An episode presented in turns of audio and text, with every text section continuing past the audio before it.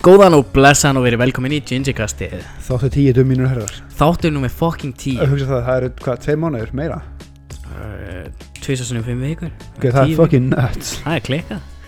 Um, Við ætlum að reyna að fá gest Já, þetta átti að vera aðeins svona, eða ekki, meira spesial Þetta verður spes þáttur sko. Þetta verður special þáttur. Já, en En- ekki á þann hátt sem við uppröðunlega sáum fyrir okkur. Nei, sko við ætlum að reyna að fá gest Slags gesti Við erum bara, sko, við erum komið með leiningest fyrir 15. þátt Já 20. þáttur, annarkor annar, bara annarkor, eitthvað fóröldur okkar annarkor Já. mamma þín, eða mamma mín eða pappa þinn, eða pappa minn Ég Já. held að það var áhægt að þau öll, sko þannig að það er Já. alveg, um, Basically já, þá bróður minn hans, auðlum Það væri mjög gaman reyndar um, Hann, hún er mér cancelað mjög fljótt Jöp. um, Nei, sko Við ætlum að reyna að hafa þetta mjög spes þátt En í staðin verður þetta bara svolítið spes.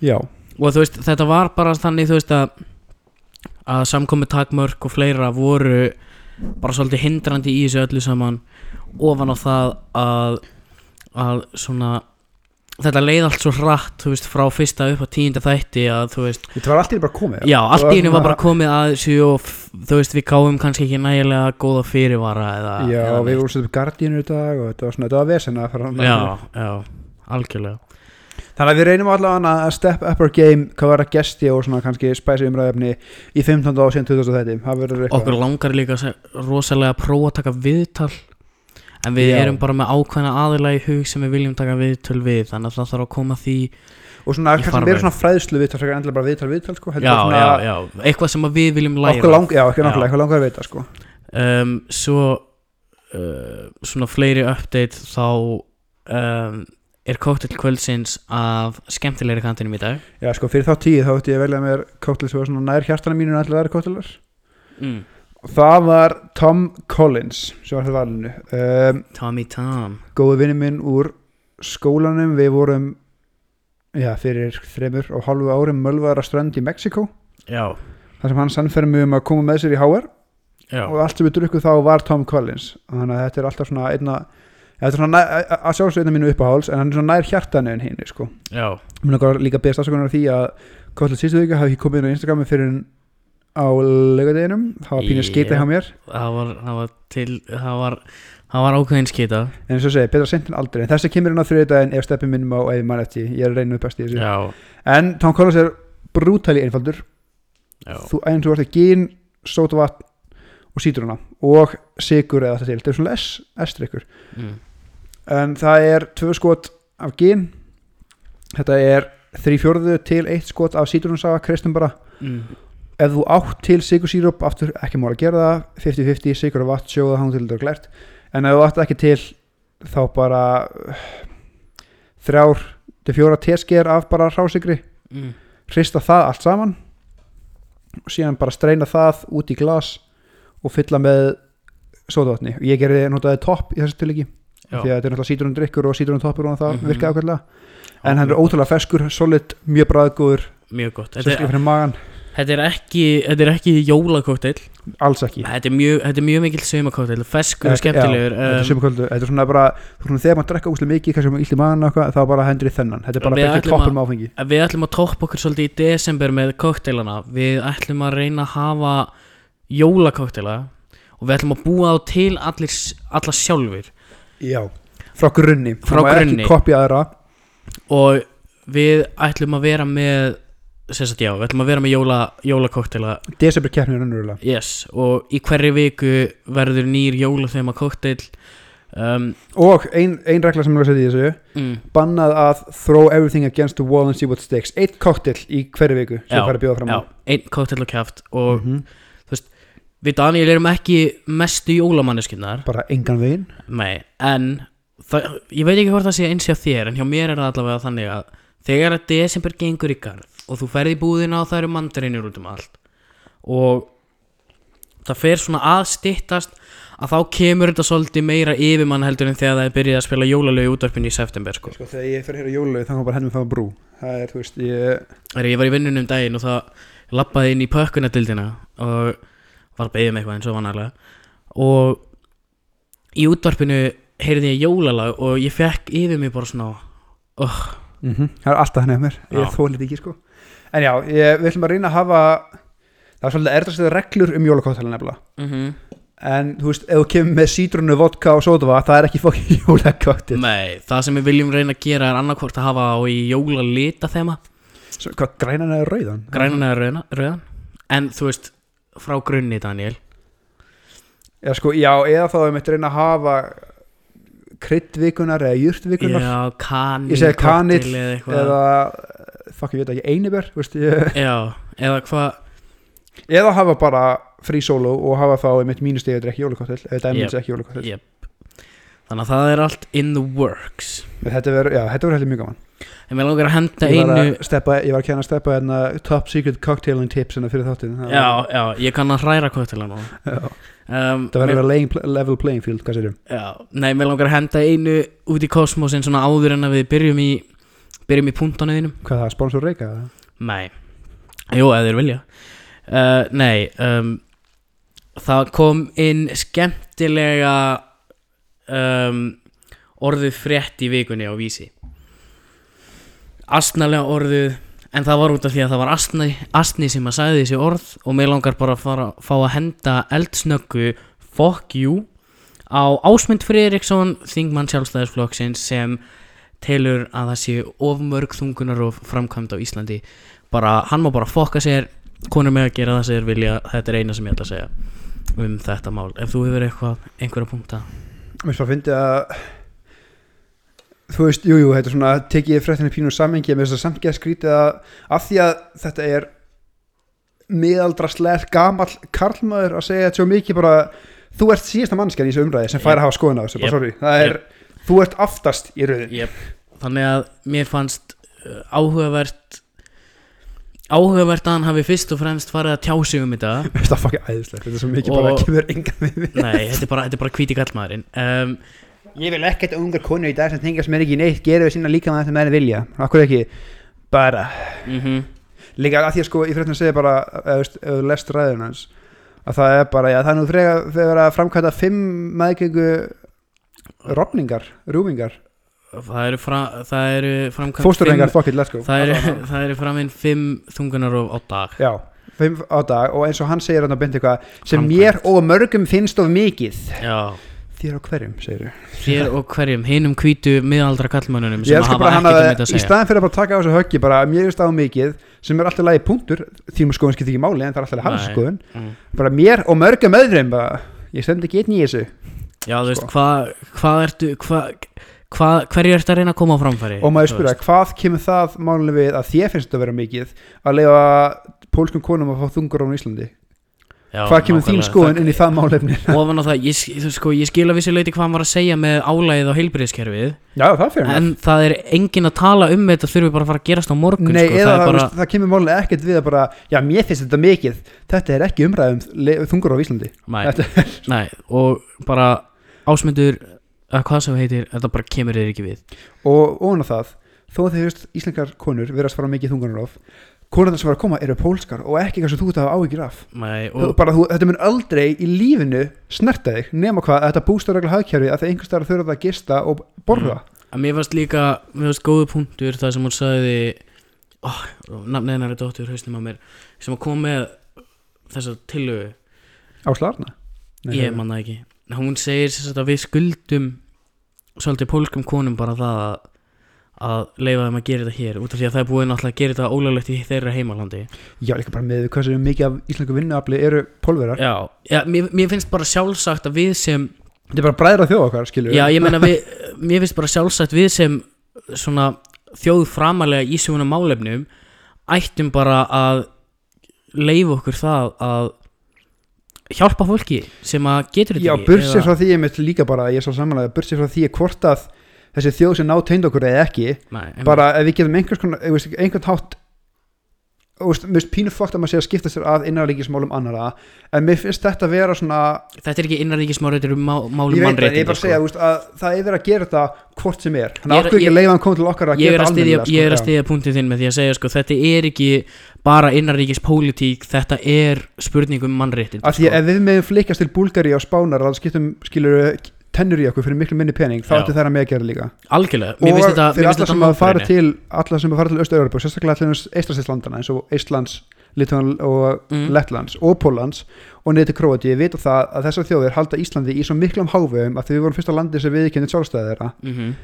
Og það kannski komið tím til að lifa hans undir þessu nafni. Að líka- standa undir væntingum. líka bara að standa undir því að vera la- land sem er framalega í mannréttindum að bjóða eins og ég sagði á hann, bjóða þeim sem að kannski eru bátt staddar já, eru, eru verst eru verst öll í þessum, í þessum skilningi þar að segja sko. já, og, og, og vera þá bara svolítið svona hætt að monta okkur að vera í hvað við erum fra, framþróið og actually fucking gera eitthvað í sína, því. já. hætt að vera bara fucking thinker og vera doerar. Og að vera þú veist vera bara til staðar, skilur, að vera þannig að vera þessi supportive friend, eða Já, skilur mér langar að vera með fucking mér langar að vera með svona live counter með einhverju á árunni bara til að segja fuck you við fólki sem er að ándjóks, þetta er líka bara svo mikið þú veist, það kemur þetta engum við nema fólkinu sem tekur þessar ákvarðanir. þannig að þú veist, það að fyrsta lagi að þetta sé svona rosalega stórt pólitísk málefni finnst mér vera orðið algjör vitlisa og svo hinbóin þá finnst mér að fólk sem að fer og tekur þessa ákvörðun og, og fer í gegnum þetta ætti líka bara að fá að njóta þess að lifa í samfélagi sem að fordæmir þau ekki fyrir þetta Þetta er að fá að taka svo ókvæslega erfið ákvörðun með þá vitund að þú getur gert þetta á heilbæðan og örgan hátt sko. Ekki þurfa að treysta eitthvað fucking herðatri Já. baka þeim gáum sko. Sem er það sem er svo óbúslega hættulegt við að gera þetta ólulegt til að byrja með Já. og við kannski erum farnir aðeins og djúpt í þetta en eins og þetta er í Pólandi núna og mótmælin sko, konur eru magnar þessi mótmæli sem hafa verið í Pólandi undanfarnar vikur hafa verið bara stórkostleg Já, ég veit ekkert um þannig ég ætla ekki að tjá mig. ég er að vinna með, með hérna mikið af einstaklingum frá Pólandi og þau eru alltaf að segja að hvað þau eru stolt af konunum í þjóðinni sinni að hafa s- actually staðið upp og gert eitthvað og sagt eitthvað og þetta hafa konur þurft að gera bara ofbáslega lengi, alltaf lengi Jep. þannig já, þetta er þannig já, þurfum að ásmundur, gera eitthvað í þessu. Ásmundur um átt fokka þér. Talandi um önnur smá dítúr hérna, en samt on point, ég átti gífurlega langa raukræði við Marju og síðan við móðu mína sem bættist inn. Já, um það ætti konur að kalla hvað jafn borgaði fótbolta. Ok. Svar mitt strax off the bat er nei. Ég er ekki að segja að það er ekki skilið að fá jafn mikið borgað. Ég er að segja að það er eigi ekki að fá mikið borgað og ég ætla ekki að beðast afsökunar fyrir þá skoðun. Ég held bara að eins og fótboltin er settur upp og þetta er náttúrulega bara þetta er náttúrulega bara vandamál í bara rótum fótboltans já, að peningurinn í kallafóltanum og peningurinn í kvennaboltanum er svo, það er svo gigantískur munur á bara revenue já. að það er ekki Þetta, er Það- mjög, þetta er mjög einfalt reiknistæmi fyrir mér. Mm, þetta snýst ekkert um hvað er skilið og þetta er ósangjant, já sjálfsögðu ósangjant en lífið, heimurinn er ósangjant, sorry. Það er meiri peningur kallaboltanum ergo hærulegin já, mér finnst það það einfalt. Ok. ef við tökum í burtu þessa en það vinna alveg mikið að þessu. Já, ég er ekkert að efast um það. Næ, ég er bara að segja það að Sara Björk og Mbappe er ekki að fá jafn mikið borgað með við hvað annar lið er að hala inn í tekjum. Já. Ég skilði þið sko, ég er svolítið ég er svona að vissi leiti sammála þessu sko mér finnst náttúrulega launamunur á milli kalla og kvenna á ekki að vera neitt fyrir sama verk unnið. Já, fyrir sama verkefnið en, stöðum ekki en hérna það munar svo miklu á peningnum í kallaboltanum og kvennaboltanum þú veist, revenue og, og treyjusölur og fleira já, sem að kemur inn á það að Paris Saint-Germain eiga það mikið pening að þau geta borgað Neymar og Mbappe fleiri hundru þúsund eurur á viku já, á meðan að Paris Saint-Germain kvennaliðið græðir fullt af pening en ekki nóg til þess að borga leikmenninu sínum það fleiri hundru þúsund pund á viku. mér finnst þessu orðræð og þessu umræði oft lendi en af hverju ætti ekki að fá mikið borgað? Það vinn alveg harta þessu að þú veist, jú, þetta er úslóðsengjant þetta er ósakjart þetta er bara, þú veist stundum verður maður að líta heiminn eins og hann er ekki sem að vilda hann veri þetta er samt, þú veist, þetta er fundamental galli í fótboltanum hvernig hann er settur upp út af því að þetta er svo rosalega aðskilið kallaboltin og kvennaboltin já, að allt revenue úr kallaboltanum er ekki notað í kvennaboltan sem ætti náttúrulega að vera hægt. Er- þar að leið- það samt? þar að leiðanda jafnit út eða þú veist, mér finnst það virkilega ekki það, ætti, það ætti að vera hægt skilur bara, bara frá fjárhagslegum fjárhagslegu sjónarhóðni um, en ég verð að segja veist- ég er ekki sammála en ok, en kallaliðin eins og með treyjusölin eins og ég var að segja og, og þú veist bara peningar sem liðir að borga fyrir leikmenn og fleira veist þetta er þetta er það er það mikill munur á tölunum sko þetta er eins og munurinn á á Origo og Apple. Já, svolítið. En þú veist, ætti þá Apple að borga hluta sínum gróða til Origo af því að starfsmenn Origo vinna alveg um hart að þessu alls ekki, ég er bara að segja út af því að þetta er sami klúburinn, þetta er sami þetta er undir sama hattinum, þú veist PSG kallar og PSG konur eru þú veist það er sami eigandinn, þetta er sama franchise, Já. skilur, þetta er sama liðið, bara tvær mismunandi dildir þannig þetta eru tvær mismunandi dildir í rauninu í sama fyrirtækinu þannig að þú veist, já, nema önnu deildin halar einn svolítið mikið herri tekjur. Já, ég skil hvort að fara sko, en þú veist, mér í hinnum fullkomna heimi væri þetta náttúrulega bara jafnað út, skilur já.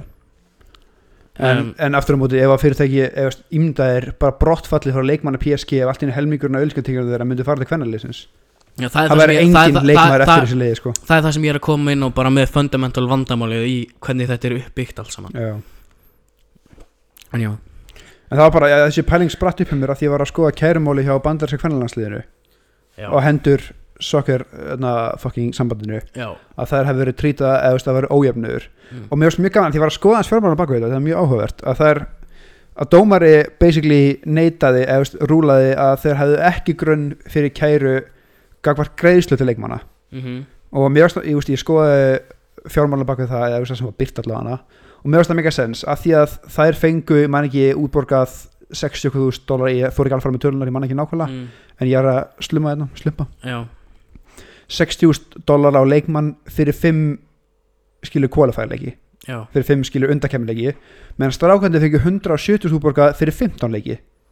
Mm, og ef þú þú deilir þetta þá kemur þetta út á það sama basically. Já. Sem fair enough skilur mér finnst það Mm. alveg en, að sama leik en að, hann sagði hérna dómarinn að þær höfðu hins vegar rétt á kæru að því að þær fengu ekki sömu æfingar aðstöður, ekki sömu hótel ekki sömu flugferðir mm, og alltaf var huge controversy fyrir nokkrum árum þegar held ég háum hvernig var að spila á gerfigrassi skilur þannig að þetta shit sem þarf að laga af því að mér sýndist þurfa að borga jafn mikið á þess að þurfa að hengja með það sko. Mm, en það er bara að það fóðu verri hótel og verri starfsmenn en það fáránlegt, náttúrulega sko, af því að hvernig landsliðar er svo margfald betra en kalla á sínu sviði ég veit þess að púlisi sem móti hvernig vörðinu þeirra. Já, en þetta er náttúrulega líka sko að veist, eins og áhörundatölur á kvennafótbolta þegar það er brotkastað í þú veist eins og rúf skilur þegar HM kvenna var og, og þannig já. þá er fucking hort á þetta.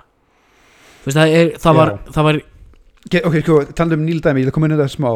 Getur þú ímyndað þér að einhver tíman að Vodafone hefði rukkað íbúið landsins til að horfa á kvennalandsleik eins og kallalandsleis það var rukkað nú til að horfa á undan kemmisleiki sko. að já, borga þúskall til að horfa heldur á- þetta, þetta er einhver sem er gert í kvennaliði mm, ég trúi því ekki, af því að ég held bara að þeir hefur haldið engin myndi tíma að borga þetta skilur Já, sem er náttúrulega bara ég segi, það sem fárlegt, ef við svo fyndi að það er okkur að gera með kallalandsleik Já, ég skil En þið sko. En þetta er náttúrulega Já, en svo er náttúrulega líka bara með þetta að þú veist, það voru hlutfælslega jafn margir sem horfðu á HM kvenna og kalla í ofinni dagskrá, sko. Já, sem að sem að gefur sem að gefur sko öll, allir í þessari umræðu miklu meira merit en landsleikabolti kvenna hefur aldrei þú veist, allavega í mínum lífstíma aldrei verið eitthvað spurning um að fólk horfi ekki á landsleiki.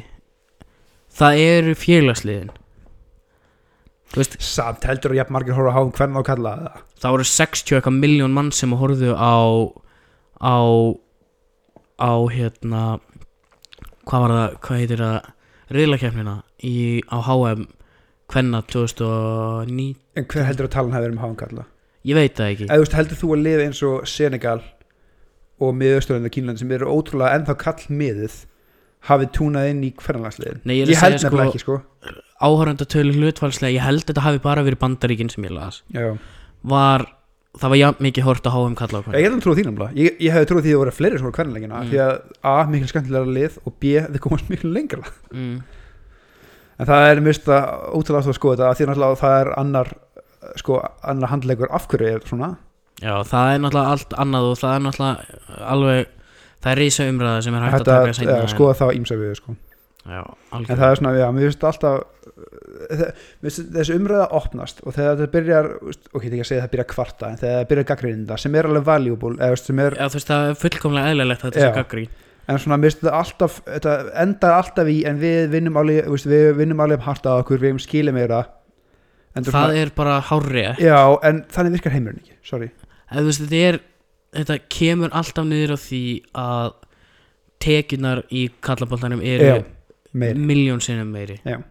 Og það er, fyrir þessum liðum er það eina bara, peningurinn er eina sem að skipta Já. þannig að saman hversu dúlar þið eru, þó þessu tísund dúlar kallinir, þá, Mm. Svo lengi sem þið eru að græða minni pening, þá fá ekki sömulun það er bara sad reality. Já, mjög sorglegur unnurleiki það er bara svolítið svo leiðis alveg gjörlega en að því ég myndust á kallanslið minn okkur aðeins að hún Marja er hún ótrúlega þreytt á sömu stælum í mér.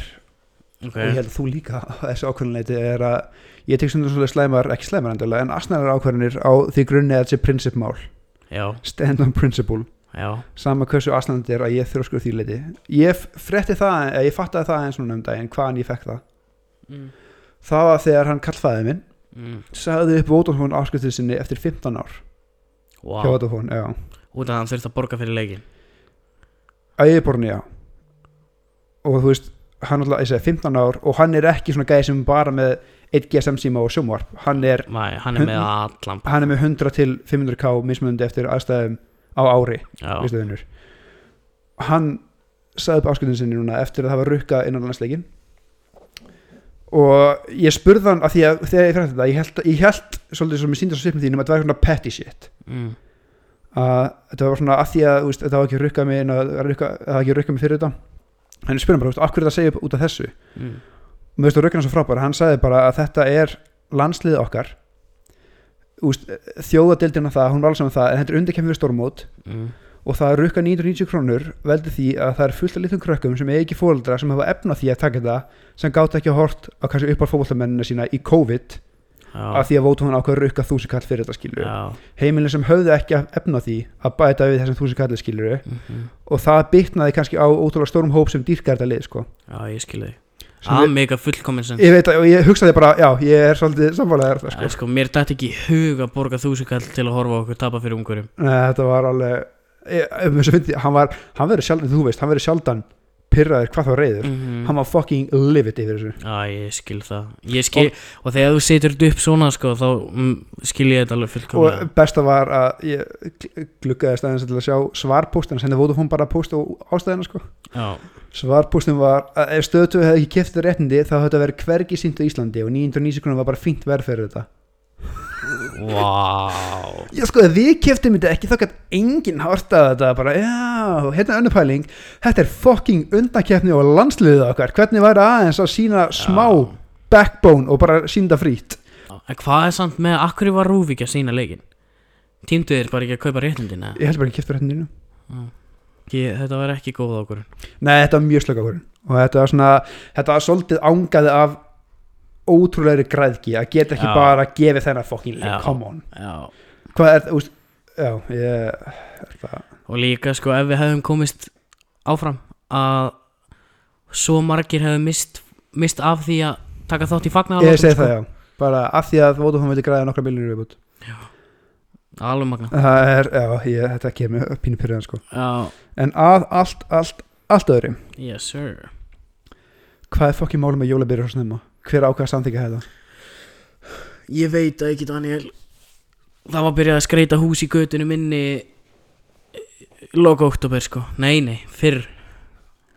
En ég ætla að segja eitt, ég er, þetta, ég er mjög ánægð með það. Ég er búin að kaupa allir jólagjöfum mínir Já, singles day. Singles Day var að gefa. Ég ákvað bara að taka klukktíma og bara fucking ljúka því af og það er mjög næst það þurfi ekki að vera í annars settum bara á fuck ég þarf að eða pening og bara Gæir, ég ég, þarf að fara í búður, nei það er búið ég er done. Ég er greinlega búin að vera Sko, ég hef greinlega átt heima undir grjóti undan fóðurinn ár. undir sko, heilum kle, undir fjalli Já, ég vissi ekki að singles day væri þing. Ég vissi það reyndar ekki það er alveg hreinskilin, ég vissi ekki að heldur fyrir en þreim tíma ára að byrja því að ég hló á Maríu fyrir að vera á netinu sinni, haldum sinnum var ég komin á samast Já, já, já, einmitt En það er mjög næs. En jólin að byrja svona snemma sko Mér finnst það Ég veit ekki, ég veit ekki hver tekur þessu ákvörðin Þetta er náttúrulega líka bara ok, ég er be fair, ég er að skilja það. Ég held að fólk séu að vera svo ógeðslega þreytt á tilbreytingarleysinu. Já, og ég vil líka fara að segja það og ef þú vilt, ef þú vilt að spara þér tíma og stress í desember með því að setjum seríunina strax fæn, ég er alveg samt, þú veist það er alltaf þetta byrtir upp skamdegið ef þú komið jóla tré upp. Og sér eru það, þá ertu pínu að ykkur mínum mati en, Nei. ok, sérstaklega ef þetta er lefandi tré hvað það fucking gerir ef þetta er gerður tré og komið seríur af hverju já, já Sem er elska bara jólin en Ég ef skil spila, spila jólalög 7.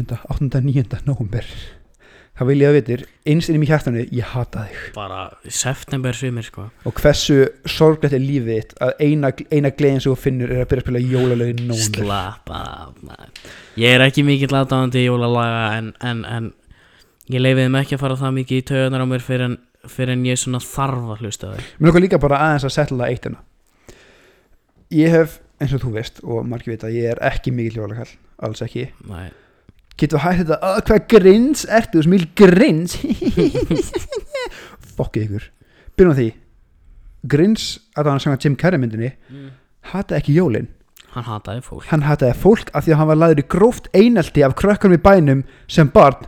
Mjög góð ástæða að mínum mati til að hata fólk. Og ég á að segja, Já. hann hataði fólkið ekki jólin. Og veist hvað, ég er sammálunum, ég hati ekki jólin. Ég hata fokki jólafólkið Hvað er? Þetta er svo lífið eitthvað svo, ótrúlega litlust að þið þurfa að glæðjast yfir einhver svona trivial eins og einhver er appropriated hátíð frá vikingöldum þá er hobby, FM21 er frábær. Þetta er eitthvað annað að gera. Nei, þú svo þarft ekki að byrja að spila All I Want For Christmas Is You þriðja fucking november sko. Ég veit ekki hvað þú ert að stressa yfir november sko. Ég er bara að byrja að heyra jólalög í september. Eh, það er náttúrulega, það átti heima á sko kleppi. Það er alveg tandur hennu Já, en sko aftur á móti, ég er algjörlega tilbúin að leifa þér að byrja jólin. Einu snemma og vilt. Gegn því skilir ég má byrja að spila ekki flugölda viku eftir að þú byrja að spila jólalög. Af því ég elska áramótin, ég byrja ekki að sprengja í nómur mm, þá er ég handtekinn. True.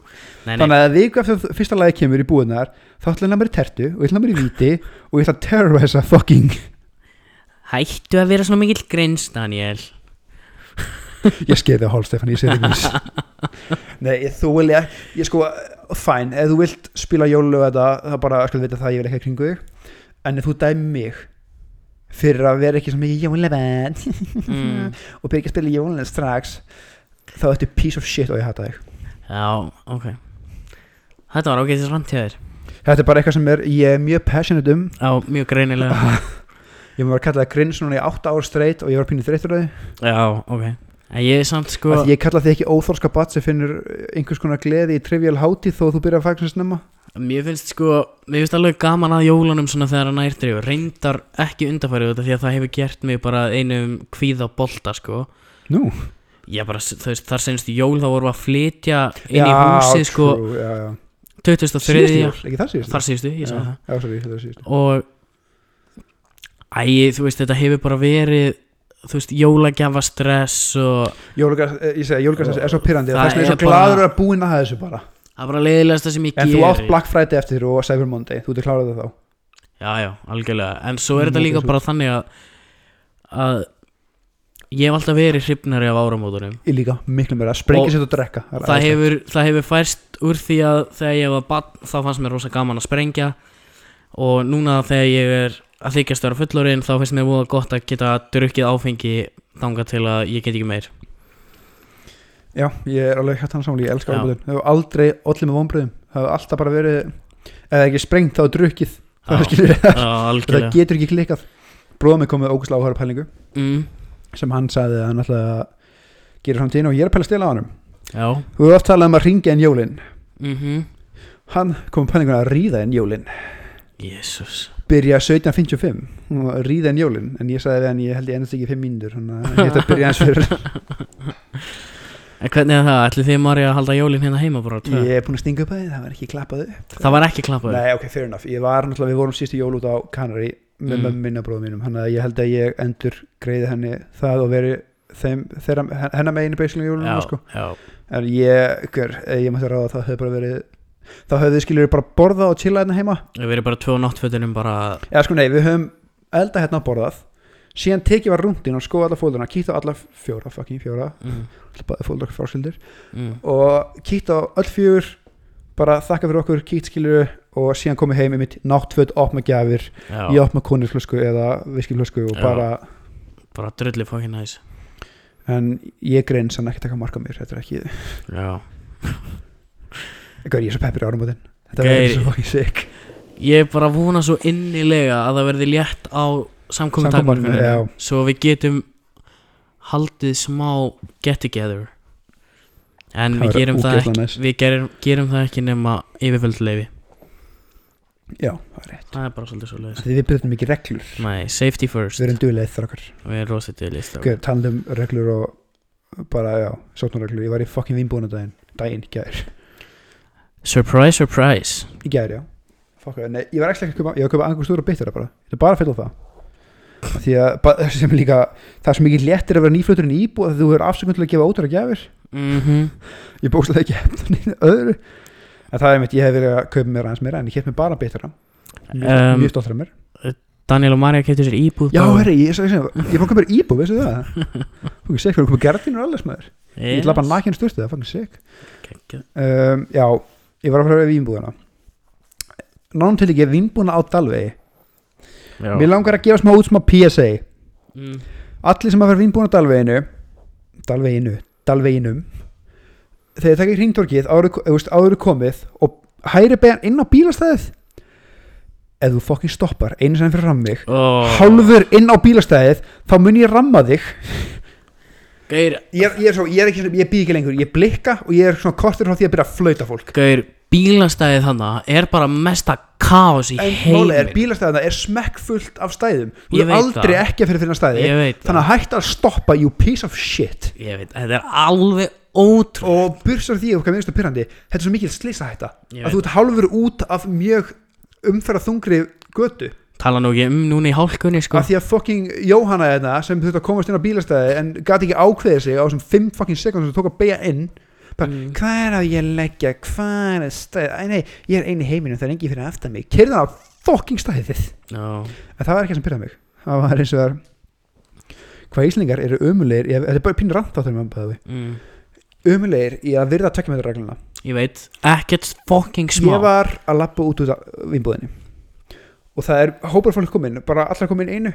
Ég er inn í hlýjunni, þau eru út í kuldanum ég býð, af því að gang, hurðin er ekki 2 metrar þannig ég get ekki lappa út á þess að basically beila tekmeðurregluna, þannig ég býð inni að það er hlýtt, þau er kallt, ég hleypi þeim inn. Mm og síðan stoppa ég og þá stoppa kall að hleypa mér út. Ég segi bara nei, ég bara ekki handabendingu svona, hvað þú inn.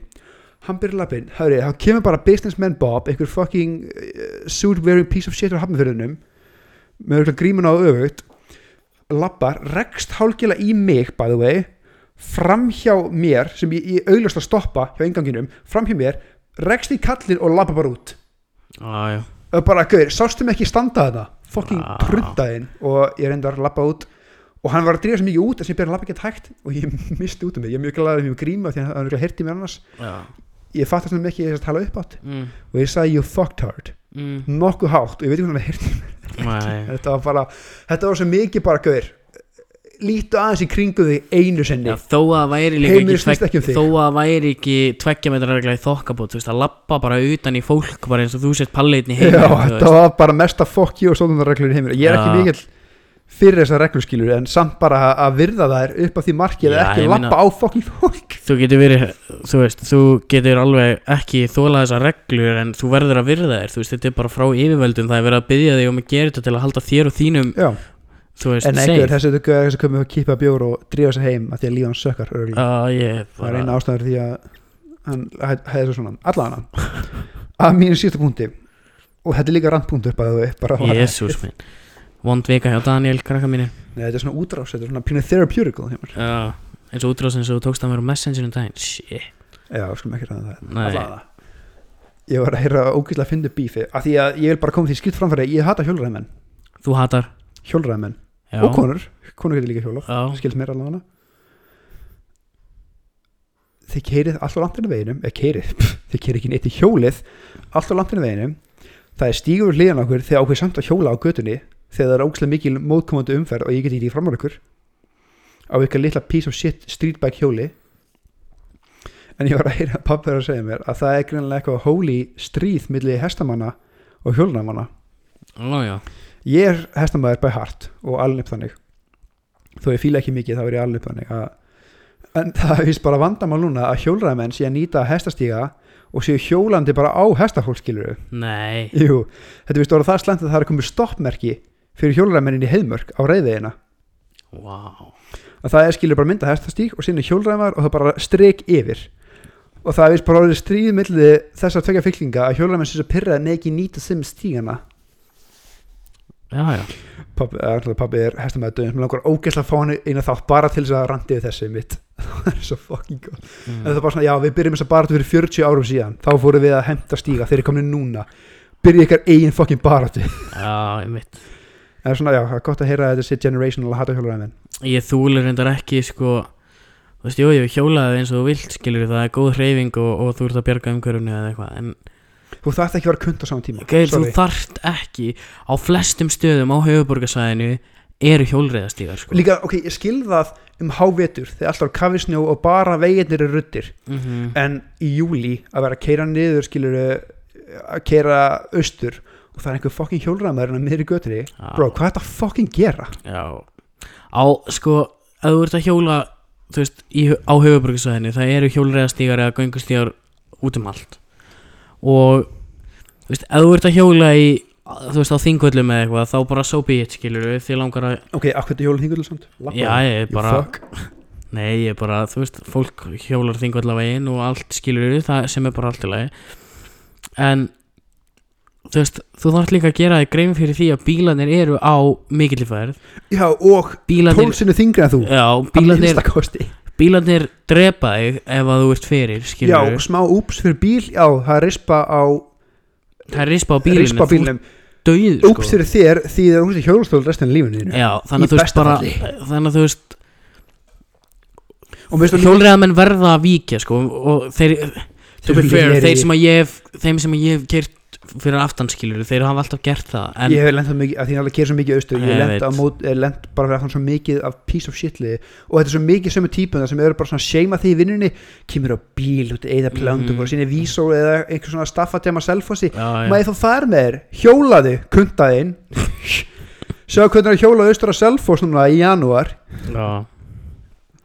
Þólið ekki sko. Ég, eða, veist, þetta, er, jú, þetta er frábært past ég er ekki að setja það sem hjóla recreationally skilur Nei, en það finnst bara þægilegt að venda og hjóla hjólastíðum bara að, að hreyfa þig. En ef þú á streetbike í þann spandex í uniforminu þínu að keira, uh, keira hjóla austur eða hjóla miður veginum Gaur, mér finnst ég sko fullkomlega hreinskilið það ætti að taka niður á stoppskilti heimörk og breyta svo bara í skotleifisvæði að bara ef það hjóla maður þá ertu bara eins og rafnar þá máttu skjóta það Það, þú eins og eins enginn sem morgundagurinn verður bara ekki fyrir. Ég segi hjóla eins og vilt en úr sem að vita það ef ég fyrir aftur þig þá er mjög frestandi að opna farþæðahöðin á Já, verður ekki fyrir. takka það aðeins af því að ég segi það að keira á þig sem bílstjóri hefur engin áhrif á mig. Það hefur mjög mikil áhrif á þig. Já, en það er, þetta, þessi hlutverkum virðist alltaf svissa þau halda að þau séu bara indestructible. Það getur engin, ég er á hjóli ég er að bjarga náttúrunni, það getur engin hitt mig. Meðan að gæja á fucking Ford F150 fyrir aftæðig sem ef hann rekst á þig á 23 km hraða þá erst þú inn á sko Reykjalundi í 6 mánuði. Já, hann er bara að pípa það aðeins niður þú ert ekki svona mikilvægur. Já. En nú er randum mitt búið. Allir að fara varlega. Það er gott. En já, svona að aðal uh, málefni þessa þessa tíunda þáttar. Sko, við fengum nefnilega því að við vildum hafa eitthvað spesial Já, þannig að við fengum hana Maríu mína og bestu vingunum hennar til þess að henda á okkur svona eh, hvað að segja, djúpum slash existential slash skemmtilegum spurningum. Basically það eru hvað þrjára mann? Ég, fjórar mann held ég. Fjórar að fimm mann. Þetta er eitthvað svo leis já það eru, eru fjóra mann og sín einn sameileg Já, og það eru handskrifa hvað ég fokk hann voru að spá. Allavega uh, Já, við kunum að, við kunum að mitta aðstofuna já ekkert smá. Og þakka ykkur kærlega fyrir að og hjálpa ég kvíðin fyrir þessu þannig að Ég líka, um, basically þær skrifuðu fyrir okkur spurningar sem við eigum að spurja okkur annan. Við höfum aldrei séð þessar þetta spurningar þetta er áður. algjörlega clean fyrst skipti þannig við að höfum aldrei séð þetta ef ég áður. ekki óviðandi það byrst afsakunar við höfum aldrei séð spurningarnar áður. Við erum að koma algjörlega kaldir inn í þetta. Og sem sagt við vorum beðnir um það að færa líka rök fyrir svörunum okkar. Já. þannig að þú veist það er ekki bara nóg að segja A eða B og halda svo áfram. Við þurfum að gera meira. Já, við þurfum að- er við þurfum að við þurfum að við þurfum að raukstiðja svörin okkar. Þannig að og ég byrjaði þú? Uh, ég, ég byrja að spyrja þig. Ok. Kannski þið lækna kvíða minn um, ok. Ok ég held að þetta er örglega spurning. Fyrir það er fimm á mann greinilega já. Getur það ekki verið? Já. Fimm mann og einn sammeleg já. Þetta er oh I like this. Hvort myndið þú Stefan mhm. frekar þurfa að kjósa einu sinni algjörlega gegn þinni skoðun til dæmis um þungunarrof? Mhm. Þannig að þetta kjósa skilur algjörlega gegn þinni skoðun þá að kjósa kapitalista eða um þungunarrof gegn því þá. Ok. Eða aldrei kjósa aftur. Oh boy! Let's go. Frábær fyrsta spurning. Það er- geggjuð spurning. Og ég held ég sem er svarið þessu. Má ég giska það? Þú mátt gíska ég held að þú láta frekar eigir eitt eina slami kostningu frekar en að láta rippa á þér öllum þínu rétti. Algjörlega. Ég myndi frekar kjósa einu sinni gegn al, 100% gegn mínum skoðunum. Og hér kemur raukstuðningurinn ég vil taka þátt í að ákveða hverju stjórna mínu landi. Ég vil taka þátt í að ákveða hvernig það verður gert og ég vil fá að nýta þann stórkostlega rétt sem er kostningaréttur og ef að það þýðir að ég þurfi einu sinni að fara gegn algjörlega minni skoðun til þess að uppfylla þann rétt þá myndi ég gera það. Svona necessary evil basically. Já, og sem þarf maður að fokk upp til að fá að prófa aftur. Og já, og fyrir, minn, fyrir mig persónlega þá er þetta akkurat það necessary evil. Og ég veit það líka bara og ég treysti minni kynnslóð og minni þjóð fyrir því að, það er samt nei, enga minn en bara í þessu samengi þá myndi ég vonandi geta treysti á mína kynnslóð og, og mína þjóð að kjósa ekki jafn asnalega og ég sem er náttúrulega gæti alveg verið að þau geri en, en, en já, ég myndi, ég myndi algjörlega gera það. Ég myndi kjósa gegn minni skoðin til þess að fá að kjósa um, út mitt líf. Alright, mjög snakku að- gott. Góð byrjun á þessu? Geggið spurning. Um, Fyrsta spurningin til þín Daniel mhm. Hvort myndir frekar? Holy shit. Aldrei innbyrða aftur alkohól Eða aldrei aftur nota nikotín Aldrei, af, alkohól. aldrei aftur alkohól. Alkohól. Þetta er ekki svona erfis af því að ég gæti ekki innbyrð alkohól og ekki nikotín ég get innbyrð nikotín og ekki alkohól. Þetta er mjög einfæld spurning fyrir mér. Af því að ég, ég, ég ætti mjög erfitt með að drekka og get ekki fengið mér vindil eða í vöruna af því það enhansar þetta. Mm, ég held ég ætti auðveldar með að drekka ekki bara af því ég, ég, myndi búið til einhver ástöðu hausnum á mér. Ég líka Ég er sammálaðir og það ég er bara svo ógislega frá, frá degi til dags bara reyði ég svolítið á nikotín sko. já Það er, ég get komast ekki að vinnudag án svo að drekka Já. Ég get ekki komast að vinnudag án svo að nikotín Þetta er ekki Nei. spurning, ég er háður nikotín, ekki áfengi Nei, Next question. nákvæmlega, nákvæmlega Sammála því, mjög ok. góð spurning Stefán, Já Stefán, hvað er það að fucking spá? hvað gerir þig hamingi saman fyrir utan flestaldi sem ég kipta um það er? um, Hvað gerir mig hamingju saman? Um, wow. Holy shit. Um, Svona ef ég bara hugsa aftur skilur á þá tíma sem að ég hef verið virkilega hamingjusamur þá hefur það verið bara að mér liði vel í því sem ég er að gera hvort sem að það er skóli eða vinna og þá á þeim tímapunkti seinast sem að ég var virkilega hamingjusamur þá var ég í vinnu var ég út í Finnlandi að, að uh, laga flugvélar og bara vera sáttur við það sem ég er að gera frá degi til dags að vita það að allir í kringum mig eru fullir heilsu og þeim líði vel vonandi uh, líkamlega og andlega. Sko, það sem að gera mig hafa mikið saman svona in the base er bara vita það að þeir sem þeim sem mér þykir væntum sé það líka. Að einhverju að einhverju tægi að, að vera þá ekki að vera ekki með hugan við að hafa áhyggjur af því hvernig öðrum líður og geta þar að leiðandi innblínt mér á hvernig mér líður. Svolítið. Er þessi spurningi til mín eins og manna um, til þín? Mm, nei. Þá er bara að skjóta einu inn í af því að ég er að byrja að tísa umræði sem við taka í næstu þáttum einhvern mann, mm -hmm.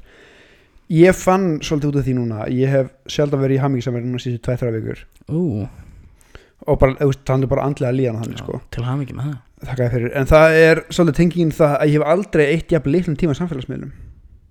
Já, ég held að þessi tengsla að milli að já. ég hef aldrei verið að lítið Instagram, lítið á Facebook hætt, ég hættur að opna samfélagsmiðla þegar ég vakna á mótuna mm. Að mér er aldrei leið betur. Við tökum þessa umröðu Eh, þetta verður mjög mjög áhugavert. Allavega throw me a question boy. Um, Vá. Hvernig vilt þú að fólk minnist þín að lífið þínu loknu? einhvers sem stóð á prinsipi. Einhver sem stóða prinsipi. Að ef ég ætti, ég hef oft oft leið á nóttunni, lengi hugsað hvernig vil ég að fólk minnist mín? Og þetta er mjög áhugavert, ef, vil ég fara dýpa Já, fucking endilega. let's go, ok, allan Endilega. Þetta var svona ég hef oft hugsað spurningum. Og það er ekki mjög gaman eh, frábær spurning af því ég held hún mjög óviljandi tengist inn í stórt þema sem var svolítið mikið issu hjá mér þegar ég hætti grunnskóla þegar ég fóði sálfræðings og það var hvernig vil ég að fólk muni eftir mér. Og ég var alltaf með þessa ungmenna hugsun bara ég ætla að vera fokkin ríkur og bestur og koma að segja fokk ég var alla skilur og fólk muni með þessu legendi þetta hefur breyst svo mikið hjá mér að sálfræðingur sagði eitthvað um mig sem ég fatta ekki þá en átt að mig setna var. Mm. að hún sagði skilur að þú þarft ekki að allir muni eftir þér til þess að muna vel eftir þér. Nei.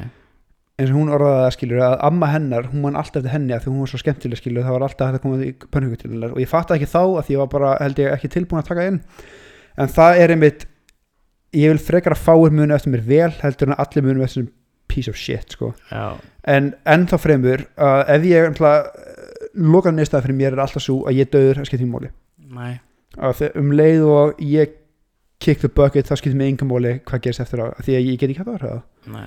En ef ég fengi að velja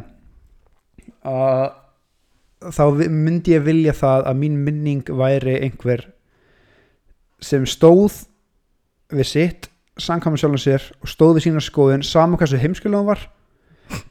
Ekki, eða sama hversu hversu móti norminu hún var. Mm. að einhver sem fylgdi sin einn sannfæringu að einhver sem trúði á sjálfan sig skilur að sama hversu margir voru á móti er þá helst þú stick to your guns. Já. Að sama hversu stór hæðin er gegn þér þú heldur áfram að því að þú trúir á sjálfa þig. Að Já. sama hversu kannski sé hún er at a time mm en bara að standa á prinsipi og gera rétta hlutin. Ekki auðvelda, ekki vinsala heldur rétta hlutin. Ok. Að það að geta þó að allir overwhelmingly sem móti er geta sagt bara fuck it. Það er skilur, ég trúi það sem ég trúi mm og ég ætla ekki að gefa eftir bara því að mér langar að öðrum líka vel um mig. Nei. Að basically að þessi svolítið svolítið libertarian í mér. Mm.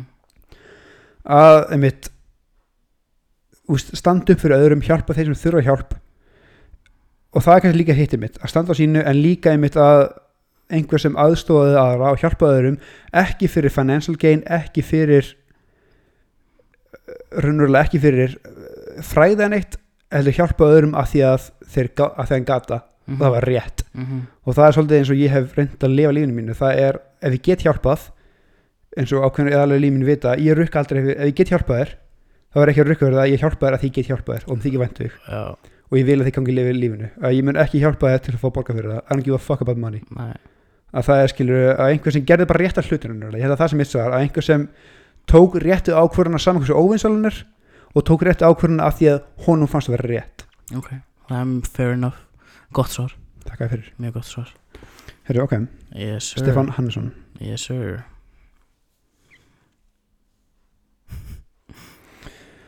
Steppur, þetta átti að vera létt og þægilegt podcast. Ok, herru, er munur á því að lifa innan gæslappa, innan gæslappa innan svega living og að vera bara til gæs- innan svega existing? Og hvort eða hvernig upplifur þitt líf? Það er munur, já.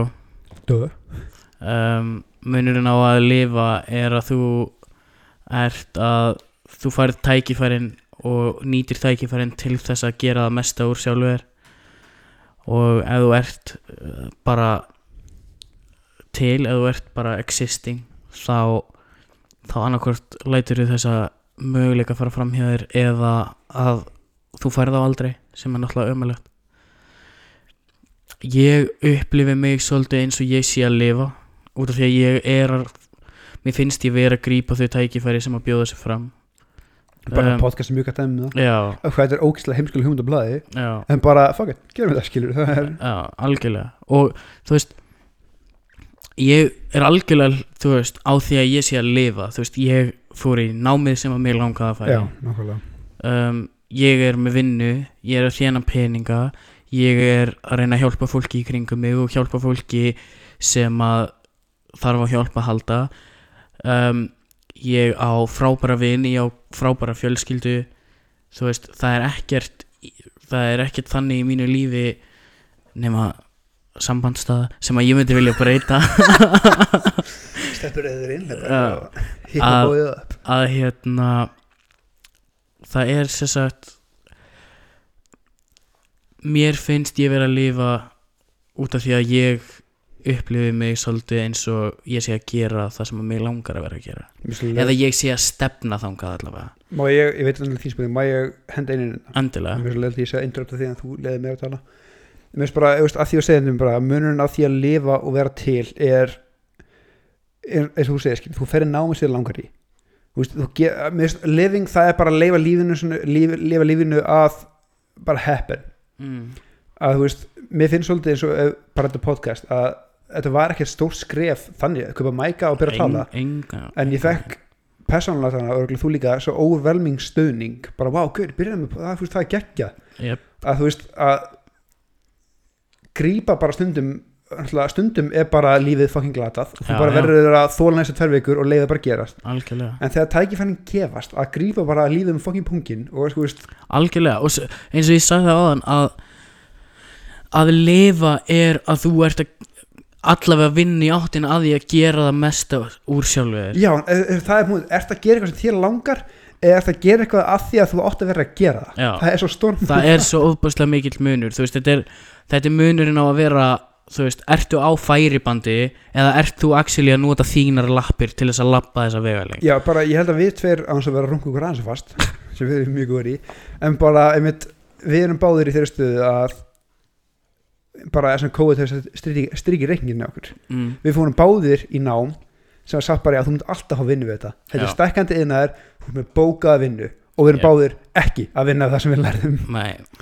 Að svona, það væri ógæslega auðvelt að rúla í sér yfir að hinna hliðina og bara eða fuck it skilur þetta er umlega en nei, jú jú, við erum hvorum með vinnuna en skilur við erum samt báðir að vinna. Já, og náttúrulega bæði fyrir tengsl af vísu, við erum hefnir já. En við erum samt líka, úst, það er podcast, við byggum til eitthvað allavega, við erum með plön fyrir eitthvað og við erum með skilur að hafa að íbúð var skrifa út fyrir sig að flytja heima skilur þetta er svona að, ertu bara að gera það sem er búist við að þér og ertu aldrei að fara út fyrir þessar uppáhaldsendingin mín sem kom pínu improvæsuð sem var aðtöðum við tölum daginn. Að ég, ég sagði einhverjum mann skilur að ég held mann ekki náttúrulega orða það að ég reyna alltaf reyna ítum út, fyrir- þændraman já, og ég spurði bara, já ok, finnst þið gaman frá út í þændraman ég sagði nei, mér finnst það ömulegt ég er kvíðin og mér finnst það klappa það.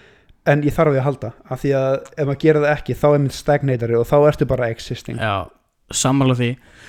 Og ég er svolítið ánægur að það hafa gripið inn í út af því að þetta er skemmtileg umræða til að taka að munurinn á milli að lifa og að vera til er er svo gigantískur og ég held að allir hafi eða lang flestir hafi upplifað hvort tveggja á lífsleðinni 100% nefnilega og og, og, Og- fólk átt vakna frá því að bara exista, bara, já, fuck af hverju væri þess að vinna, ég hata hann Já, og, svo- en svo sumum finnst bara voða fínt að vera bara til. Já, og vera bara að gera það sem að uh, fylgja bara veginum sem að einhvern veginn hefur verið verið smíðaði fyrir þau. Og það er líka bara fullkomlega eðl ég veist, mis- mismunum fyrir mér er ertu reglulega að fara út við gera Mhm. eitthvað nýtt, eða ertu bara inn í þægindram og hvort er ránt, það er bara hvernig langar já, þig hvernig, hver, já, nákvæmlega, þetta, þetta er spurning um hvernig vilt þú lifa lífinu langar þið bara, veist, ég er ekki að segja þessi ránt alls ekki, bara að segja, langar bara að vera sömu vinninni í 40 ár sömu íbúinni, sama húsinu með fjölskyldina og bara aldrei gera neitt nýtt og bara njóta, veist, það er líka alltaf lagi en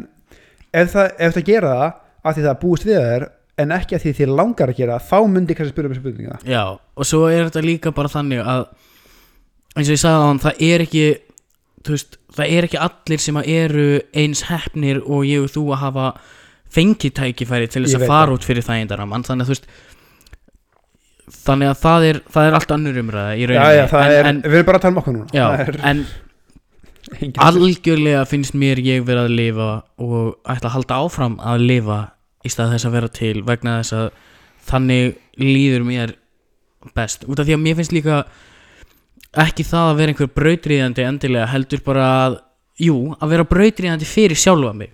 Já. að prófa nýja hluti og fara út fyrir þægindaramann að gera hluti sem að ég hefði einu sinni búist við að sjálfa mig og það er líka mjög líka allt í lagi að svissa milli. Af því að algjörlega. eins og síðust tvær vikur núna þá finnst mér ég ekki vera að lifa heldur bara að exista.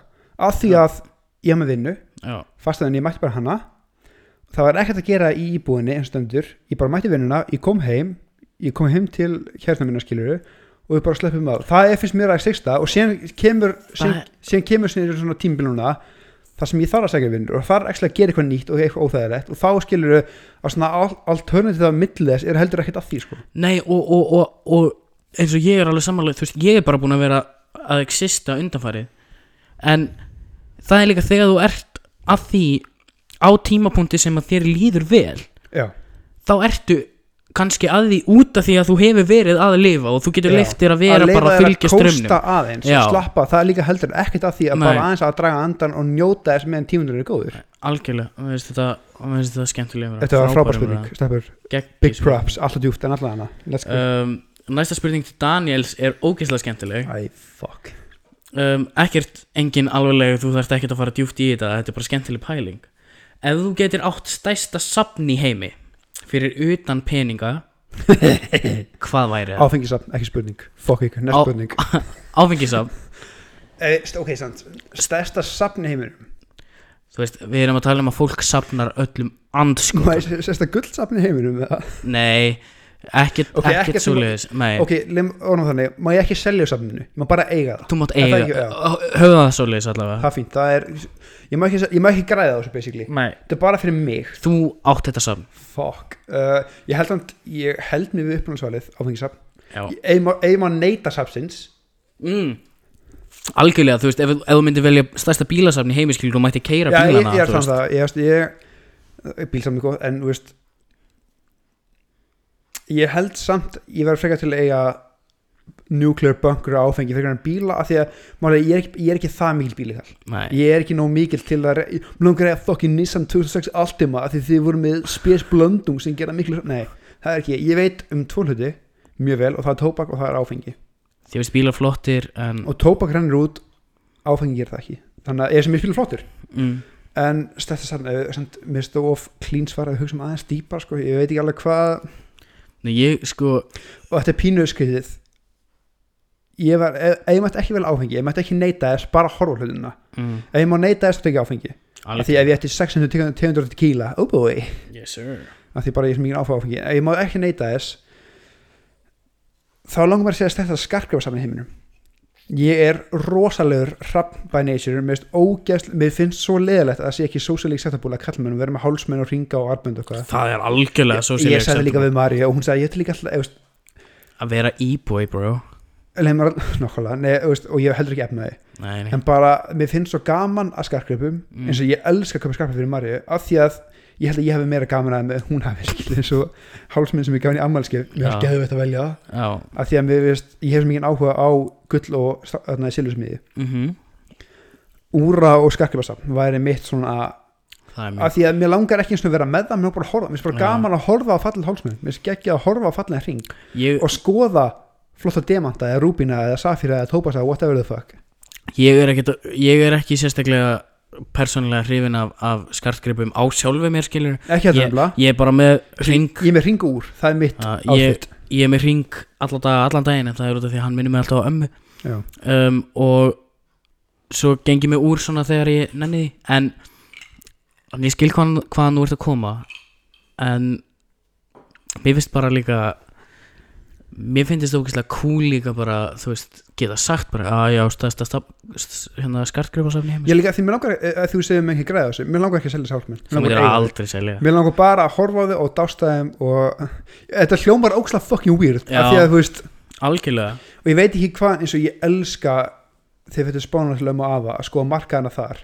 Það ég veit að þetta er ógeðslega skilja, mér er bara svo gaman að því að ég hef svo gaman af eðalmálum ég, ég, er bara hrapp, ég er svo sjóræningi bæði Já. hart skilur að fallegi hlutir heilla mig.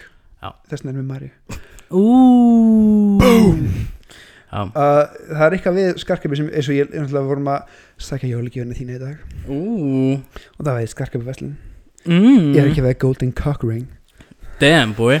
Nei, að, þú veist, ég lappaði henni skarkabi og það var svona bara ég gætt staðið þarna í tól tíma bara að spjalla við konuna og stara á greipina skilur, af því að mér finnst þetta er svona, fyrir mér svolítið svipað áfengi þetta er Já. craftsmanship, þetta er mismunandi aðferðin, mismunandi sjónarmið þetta er svona, Þú og pappi minn myndi hafa nóg að tala um Pappi minn er lærið guldsmiður já sko náttúrulega og pappi þinn líka elskar ljósmyndir sem ég fucking elska líka Já. ég held að ég og pappi þinn væri fucking be- þú, við þurfum að tala um hann ég þarf að, mér ég langar þarf að fá pappa á podcasti sko, ég þarf að Pabbi- fá apprenticeship í honum í öll í lífinu bara. Pappi er geggjaður ljósmyndari og ég veit það, ég bara sá myndi ég bara, fuck bro, pappi ég þarf smíðaði hann ring líka að- er það, hvað er það stála, eða hvað er það Já. nice. Og hérna ég, hef, hef bil, eina ástæðan því að ég fór ekki í Silfur og Guldsmiði sem ment var að það er svo úslega erft að fá internship. Já, svo er líka bara ógeðslega erfitt veist, út af því að þú þarft eiginlega að vera með þitt eigið shit skilur já það er ekki sem að hafa sem hobby. Nei, það er ekki, að því að það er sami hjá mér með grafiska hönnun það er sami hjá mér með kvimndagerð með Guldsmiði, allt þetta shit ég elska þetta ekki, mér finnst ég mér finnst ég persónulega ekki elska þetta nógu mikið til að réttlega karriér í þessu. Nei, og mér svo- langar að hafa sem hobby, hafa gaman að þessu. Og já, að ég, ég skil nákvæmlega hvaðan þú ert að koma en mjög skemmtilegt svo er einhvað síður. Herra Stefán, Yes Let's sir, hvað, hvað kemur núna upp úr, upp úr pókanum? alright hvort myndir þau frekar? Aldrei hlusta slash spila tónlist og á gítar aftur? Eða gefa upp alla aðra afþreying, afþreyingu myndir, þættir, bækur og törfuleikir Um, ég eh, ég myndi gefa upp alla aðra afþreyingu. Og áður en þú segir eitthvað þá ætla ég bara að koma að því að ég veit að þú veist podcast eru afþreying og veist ég elska bíómyndir, ég elska þætti en tónlist er fucking allstaðar þú veist, þú ferð ekkert án þess að hlusta tónlist. Ég get ekki unnið án þess að hlusta tónlist eða þú veist, mér veist það mjög erfitt. Og ég eigði bara ógeðslega miklum tíma í það að hlusta tónlist. Svo að spila tónlist er náttúrulega bara bara með því skemmtilegra sem ég geri. Þú veist, ég myndi velja það að spila á gítar yfir að spila alla tölvuleiki og horfa á allar myndir í ég held að við sem svolítið ósamanlega það sko. Að þegar ég myndi gefa alla aðra að því að þú veist að ég er ekki ég fíla tónlist en ég er ekki sjúkur í tónlist. Music is my life bro.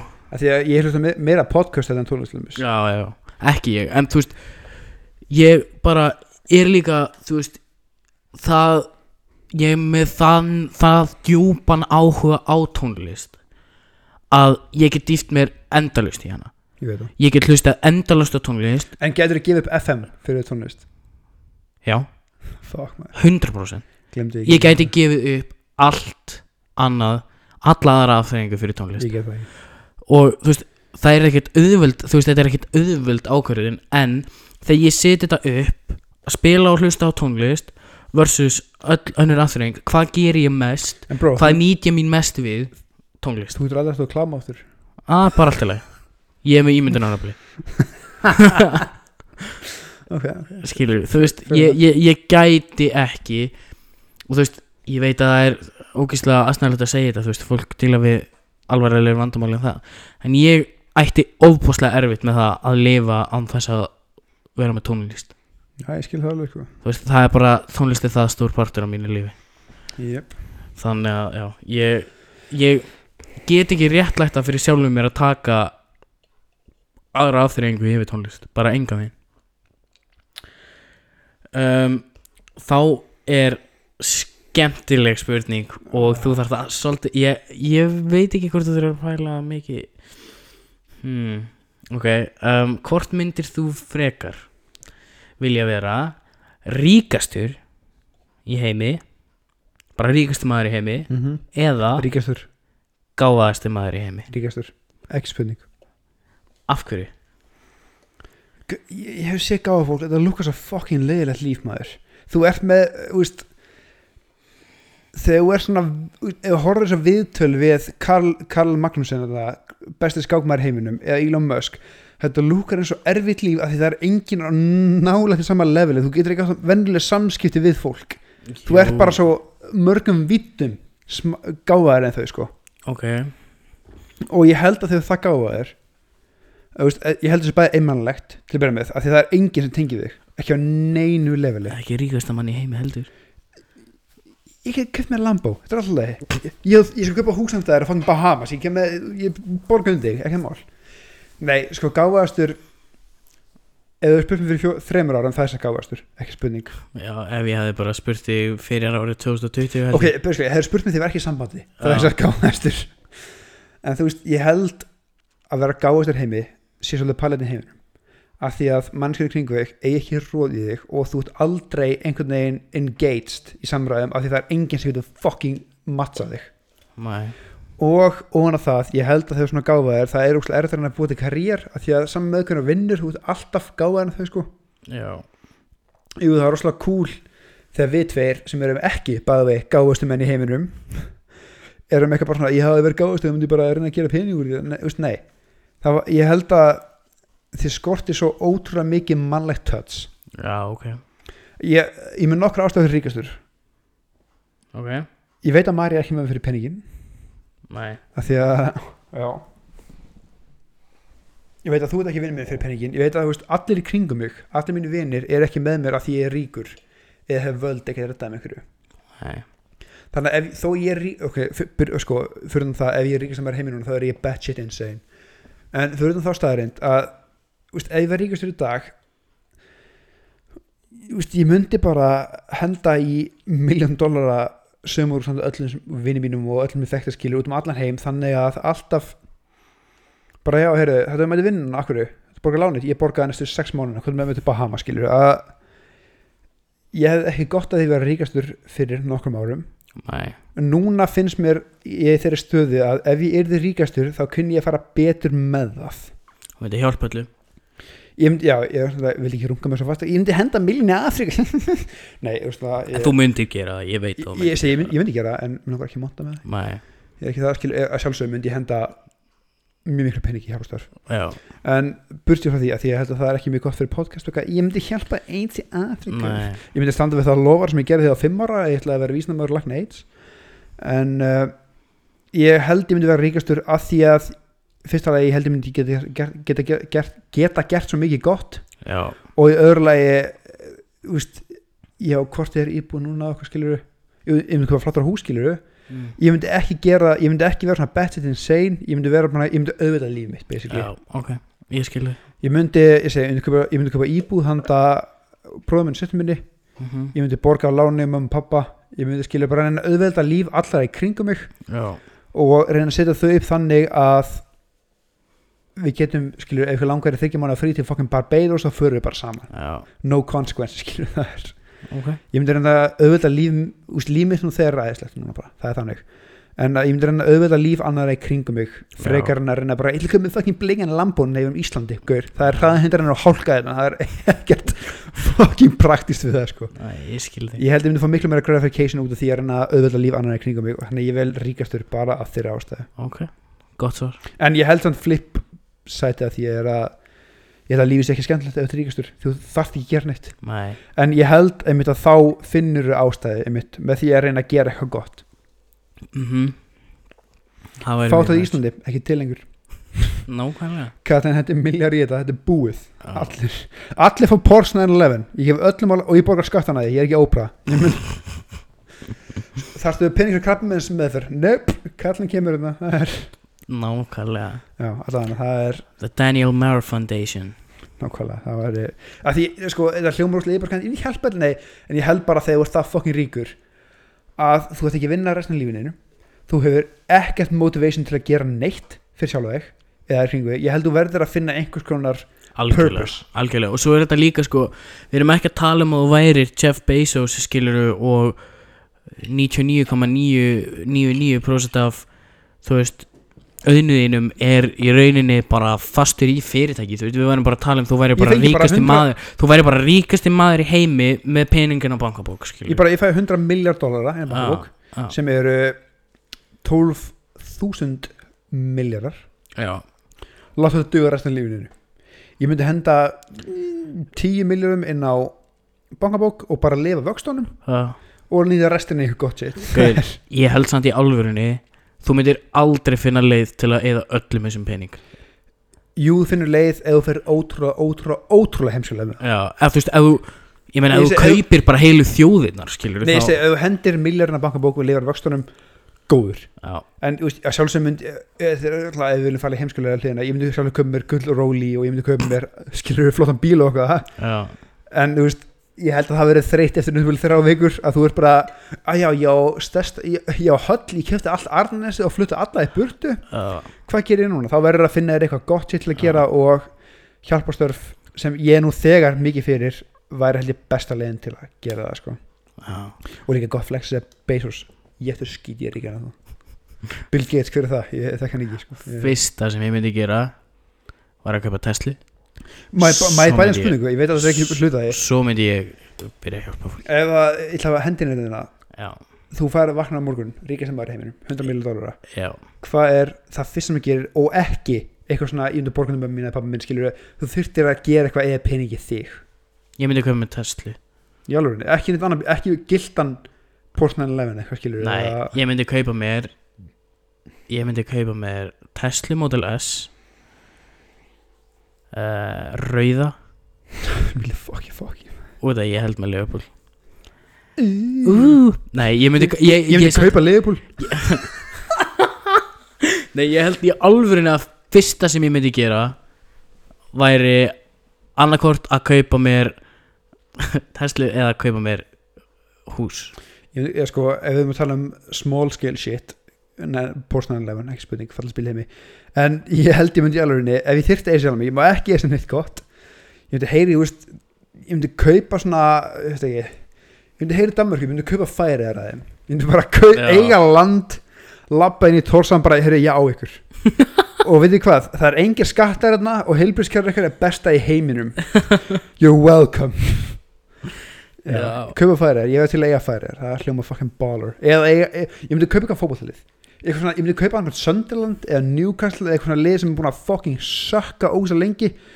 Og bara, heyrðu, ég ætla að ráða þetta bestu lögfræðinga og bókallar í heiminum, við ætlum að býta FFP og ég ætla að gera ykkur að meisturum að því að ádöndur eiga skilið. Já, en ok, þá erum við komin að síðan spurningunni. Fyrir samheilu fyrir sami þessi er fucking geggjuð. Ok, stelpur massive props so far. Ef að innri, innri rödd þín væri alvöru manneskja mm. og talaði við þig eins og hún gerir venjulega myndur þú hafa gaman af samræðanum og myndur þú halda sambandi við hana? Ég held að manneskjan sem að býr innan með mér og innri röddin mín er ég sjálf? Nei, ég held að ég myndi ég held, sko ég held að við værum ekki vinir. Í fullri hreinskilni. Út af því að pælingarnar sem að koma stundum upp í hausinn á mér og drastlið sem að ég segi stundum sjálfum mér er bara svo ólíkt mér. Eða þú veist, það er ekki eins og ég vil hugsa eða vil vera, skilur veist, það, þekkit allir, það kom upp þú veist, ljótar hugsanir og það koma upp þú veist, pælingar sem að eru bara ekki þú. Ég elska þessu spurning, gerur ráð fyrir að þessi bara ein rödd yfir. Já, hjá mér er þetta fucking conference call. Já, ef við tökum, ef við tökum bara svona þessa predominant rödd, skilur við ertu ha? Nei, ég held í alveg að ég verð með svona 13 mismunur rödd. Ef, við tö- ef ég tæki bara, þú veist allar sjö döllís hins verði sjö röddamur ef ég tæki bara aðal röddina sem er, þú veist ef ég tæki bara aðal röddina sem er ekki reflection af mér ég held að við værum ekki vinir. Og ég myndi, ég held að ég myndi ekki vilja þú veist, ég hefði gaman að því að rökraða við viðkomandi, skilur en ég, við værum örgulega ekkert eitthvað geðvægt góði vinir, eða þú veist.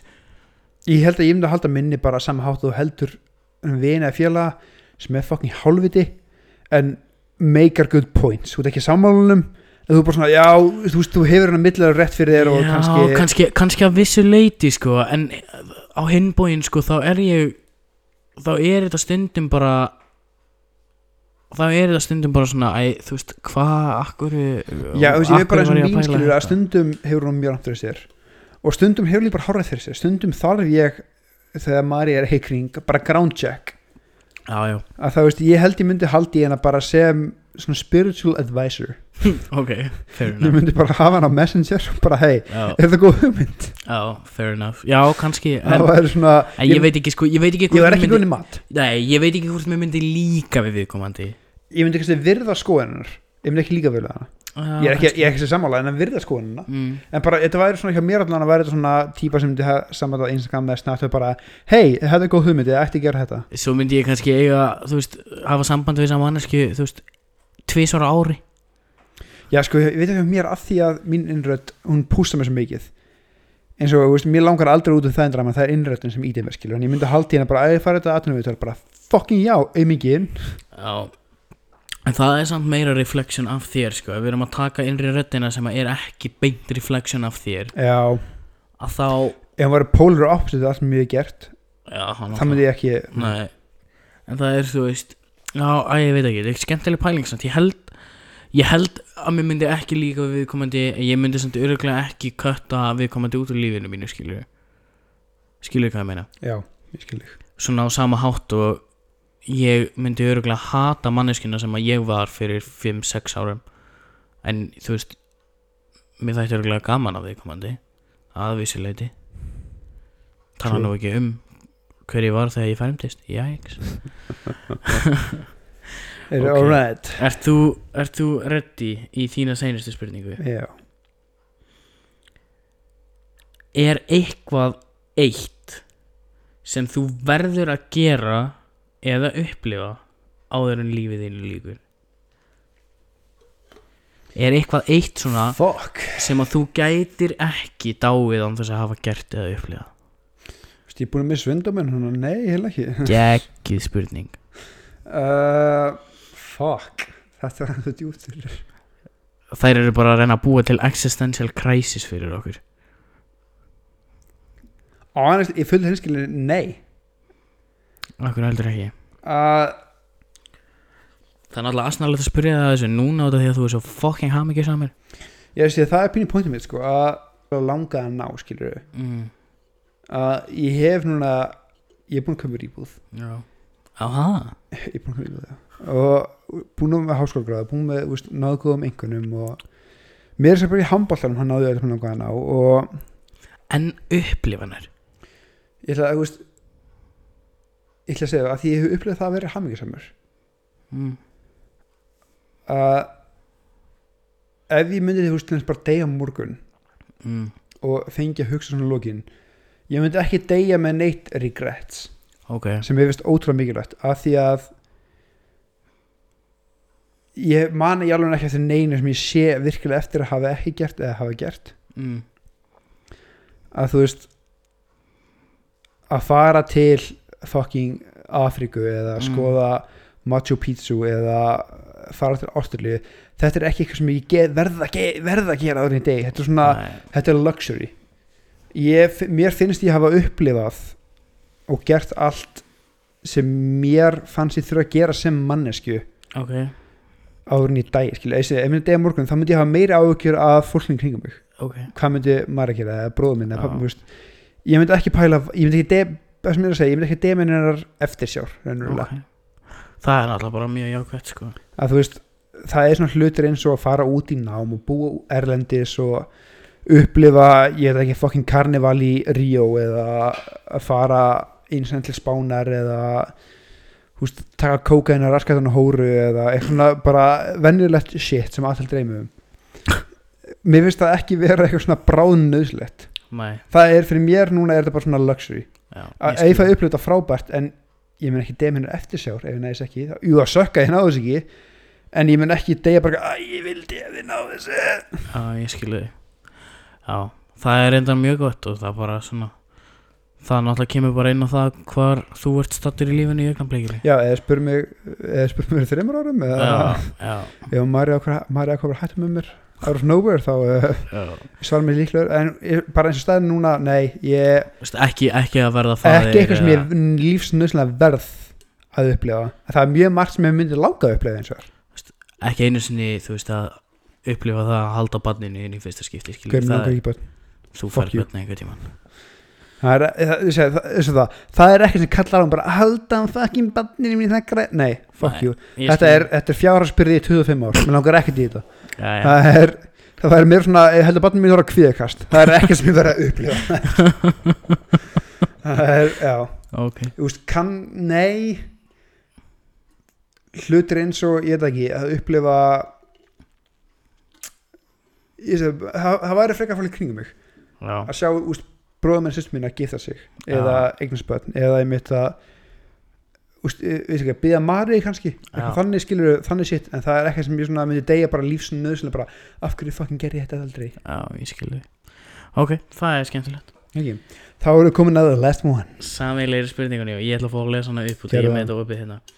Ef þú geti farið, þetta er sérstætt spurning sem við eigum báðir að svara á raukstiða Ef þú geti farið aftur í tíman og drepið eina personu á hvaða tíma sem er hver værir það og hvenar í lífið þeirra?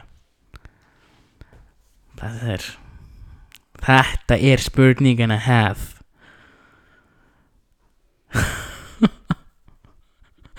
ég með svar sem ég ætla ekki að segja en uh, fuck. Gæði ég. Þannig að þú veist Það er rosa típist að segja bara að þú myndir drepa Hitler sem band, skilur við já það er alltaf basic.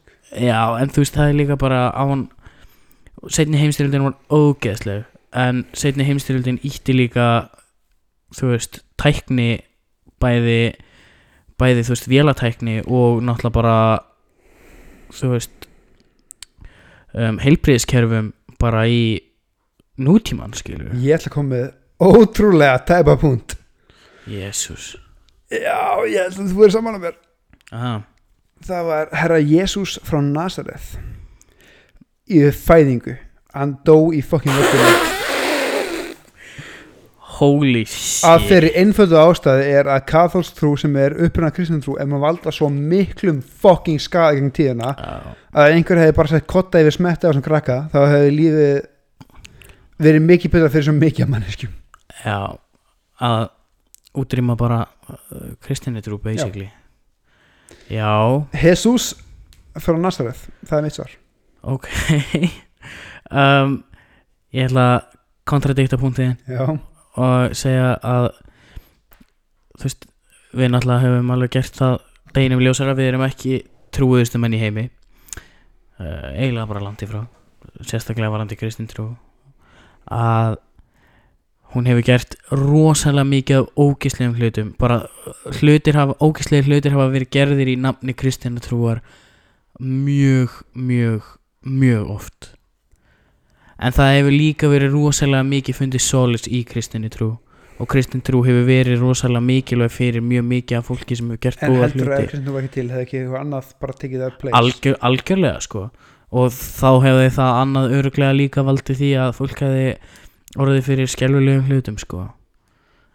Um, drepa eina manneski sko það er svo lítið sem að poppar upp í hausinn á mér akkurat núna svona þegar ég er með þetta fyrir fram á mig skiluru um, ein manneskja í sögu mannkynsins. Ein manneskja í sögu mannkynsins. Þetta er fucking góð spurning sko. Þetta er ógislega góð spurning. Ég eiginlega bara Sko núna var að poppa upp í hausin á mér. Fokk, hvað heitir hann? Gæinn sem drap John F. Kennedy. Lee Harvey Oswald. Já, eða það gæðin sem draf Frans Ferdinand kikkaði fyrir heimstöðunni sem basically allir þeirra setnu þannig að það er gott svar. Það er enda mjög gott svar. En samt, þú veist, það hefði gerst einhvern tíma úti. Mér langar að koma með það sem er að komírik svar. Hvað þú er sagðir Hitler er fæðingu. Nei, nei, nei drepa Hitler er svona 41-2 A- allir aðrir hefur bara fuck, hvað gerir þau núna? Það er Ah. svona stalemate. Að drepa hann svona þegar hann var að taka völdin í næsta flokknum. Eða finnst það að þau finna það þegar maður er byrjað er búin að taka yfir og svona, allir bara já, þetta er bara já, heyrðu, fuck, hvað gerir þau núna? Eða beila á þetta? Nei, ég nei, sko, ég ætla að segja Lee Harvey Oswald af einni ástæði út af því að ég held að ef að JFK hefði fengið tvö terms þá væri bandaríkin miklu betra land í dag. 100% samlaður 100% og, og John F. Kennedy var ekki frábær á alla vegu en hann var með réttu hugmyndunar á réttum tímum. Guður, hann bengaði Marilyn Monroe. Menna, ég, er það? nei, sko, hann var með réttar hugmyndir á réttum tímum sem hefðu geta fært bandaríkinn svolítið áfram í mannréttindum á sínum tíma sem að þar á leiðandi hefðu fært þau áfram í mannréttindum eins og staðan er í dag. Þannig að Lee Harvey Oswald, maðurinn sem að skaut John F. Kennedy um, er svona eitt af svörunum sem poppuð upp í hausinn á mér. Um, John Wilkes Booth líka gæinn sem að draf Lincoln. Hann var búin að frelsa eftir alltaf hann var búinn að frelsa þrælana en hann var ekki búinn að tryggja öryggi þeirra. Hefði hann á því. Realistically bara. Realistically öruglega ekki en honum tókst að frelsa þá og það held, en, það held enginn að hann gæti gert það. Um, en þetta er samt skemmtilega pælingar þú veist ég hefði viljað til dæmis drepa fyrsta sarin í Rúslandi nei, hvað, það ætti ekki vodka. Jú, það hefði alltaf komið vond um, ég hefði drepið fyrsta sarin í Rúslandi bara til þess að bjarga rúsnesku þjóðinni frá því að verða fyrir oppression í sko 300 ár. What doesn't kill you makes you stronger. Í þessu til ekki áfengið þeirra. Mm. en þú veist þetta var þú veist Rómanafjölskyldan í Rúslandi náttúrulega bara átti landið svo ógeðslega lengi og þau voru svo rík og svo ógeðslega uh, bara áttu allt. Þannig að restin af þjóðinni bara söffuri í ógeðslega langan tíma. Þannig að það væri líka fróðilegt að sjá hvað Rúsland var í statt ef að, að Rómanafjölskyldan hefði ekki ráðið í 300 ár. Veist að finna þetta er eitthvað random mannski og svona bara út af einhvers að geta algjörlega breytt sögunni bara eins og, veit ekki. Þú veist bara ef Vigdís Fimbo hefði dáið in her first term eða eitthvað skilur out of the blue, allir bara að höra fuck, hvað kýrðu þau núna? Já, en eins og þú veist uh, Kim Jong-il til dæmis. Menn hefði að lifa lengur hér til það. Nei, ef að Kim Jong-il hefði verið drepin Gauð, áður en að tók völdin. hefði flugmaður sem var með sprengjuna fyrir Hiroshima Shit, dáið niður í fluglið og bara krassuði allan það bara, já, herru, fuck. Hvað gerum við nú? er það næsta eða hvað? Nei, en hérna bara Kim Jong-il bara út frá svona pælingu. Væri Norður Kórea svona lókuð? 100% já, Heldur það? já. Ef að Kim Jong-il hefði aldrei farið hefði aldrei komist til valda. Einhver annar tekið við. Út bróður hans eitthvað, eigi bróður en þú veist. Einhver gæði fyrir að proppa upp á mæk og satt að vera bróður hans skilur það hefði verið alveg eins heldur Það gæti vel verið. Það er skemmtileg pæling mjög Ég væri til í að taka Þú veist, ég væri til í að drepa einhvern sem kickstartaði mörgum árum af ömulegum ömulegri stöðu fyrir ógislega mikið af fólki. My boy, Jesus. Já, eða Rómanafjölskyldan Já. Þannig að það væri svona það væri áhugavert að sjá já, líka bara mitt logasvar allavega er Jesus frá Nazareth því að, komið væg fyrir krist, kristin já, rennulega, ég til í það Já, ég væri til í að taka þetta meira svona út frá einhverju landi sem hefur fengið að finna fyrir því. Þú veist, Idi Amin, ég hefði viljað drepa hann við fæðingu. Já, því Jesus hafði bara áhrif eitt land ekki heilu heimsalutnar Nei, nei, ég veit, ég er, ég er bara að koma með annan. Já, skil, já. Þú veist, Idi Amin í Uganda að ég held bara svo mikið sem þjóðar leiðtöðum ég hugsaði alltaf strax Hitler og Stalin og svo hvað það er ég held bara svo mikið sem þjóðar leiðtöðum jú, eitthvað smá verið breytt en ég held að heildar Já, en, issue ég, verið ekki breytt af því að en ef þú væri það bara var gæi fyrir aftur og tilbúin að taka En ef þú næstu. myndir drepa hreyfinguna bara við fæðingu, skilur já, en þú veist, hvaða gæi var raunverulega bara hreyfingin? Ef þú, ef, ef þú hefði drepið Mussolini til dæmis áður en að hann þurfti að fara í herin þá væri fasismi örugglega ekki til og því hann bara kom með fasismi og bara dróða út úr raskatinn á sér sko. já, já, eða miklu verið að fara mig ég held bara, mér sem finnst að hann, Jésús var ekki með neitt fylgjendu fyrir, hann kom out of nowhere bara einhver þannig að ef þú bara, eins og ég, hann um fæðingu er gerist eitthvað. Já, þú veist, það er alltaf, það er alltaf hægt að koma með einhverja fígurur og, og hugsa, sko, og það var svolítið mín pæling á bakvita, sko, hvað, hvort það myndi breytast eitthvað, hvort það kæmi, hvort það myndi eitthvað batna. já, já, Ég held til dæmis að, þú veist, svona fylkingar sem að fylgja bara einum leiðtóa eins og Idi Amin í, í Uganda eða, eða eins og þetta byrjaði allt með, hérna, Mussolini, að þá þá ertu svolítið að útrýma sko, þá ertu að útrýma svona fylkingu og einhverju svona pælingu í raun og veru við fæðingu sko. Þú veist þannig að pælingin kemst aldrei af stað þannig að það grípur ekki fólk þannig að byltingin byrjar aldrei ennur líka, eitt sko, Richard Nixon af því að eitrefnarlög í bandarækjum væri miklu slakari. Ronald Reagan. Og ekki, neða hann bara bætti ofan á ég veit lögin hans skilur, hann er Nixon var ekki við völd skilur, bara að pípa aðeins niður rasísíku eitrefnarlögin en þetta var þannig að bara takk fyrir frábærar pælingar. Pælingar gera þetta að lið bara. Þetta eru, eru geggjaða spurningar, ég var ánað með þetta. Við þurfum að repeata þetta. Árið klárum við, langar að henda einni pælingin ég held að ég hef verið mistur á höfuð sem krakki Ha, já, það myndi meika mjög mikið sens ég, ég fætti það um daginn að það er svo margt ránt í hausnum og ég held að hann mamma og pappi eða einhver hafi bara droppað mér beint á höfuð Sýsti þín er ætla hún hefur, hún, hún segir að hún borða fucking dagatæli mitt og kenni mér um það.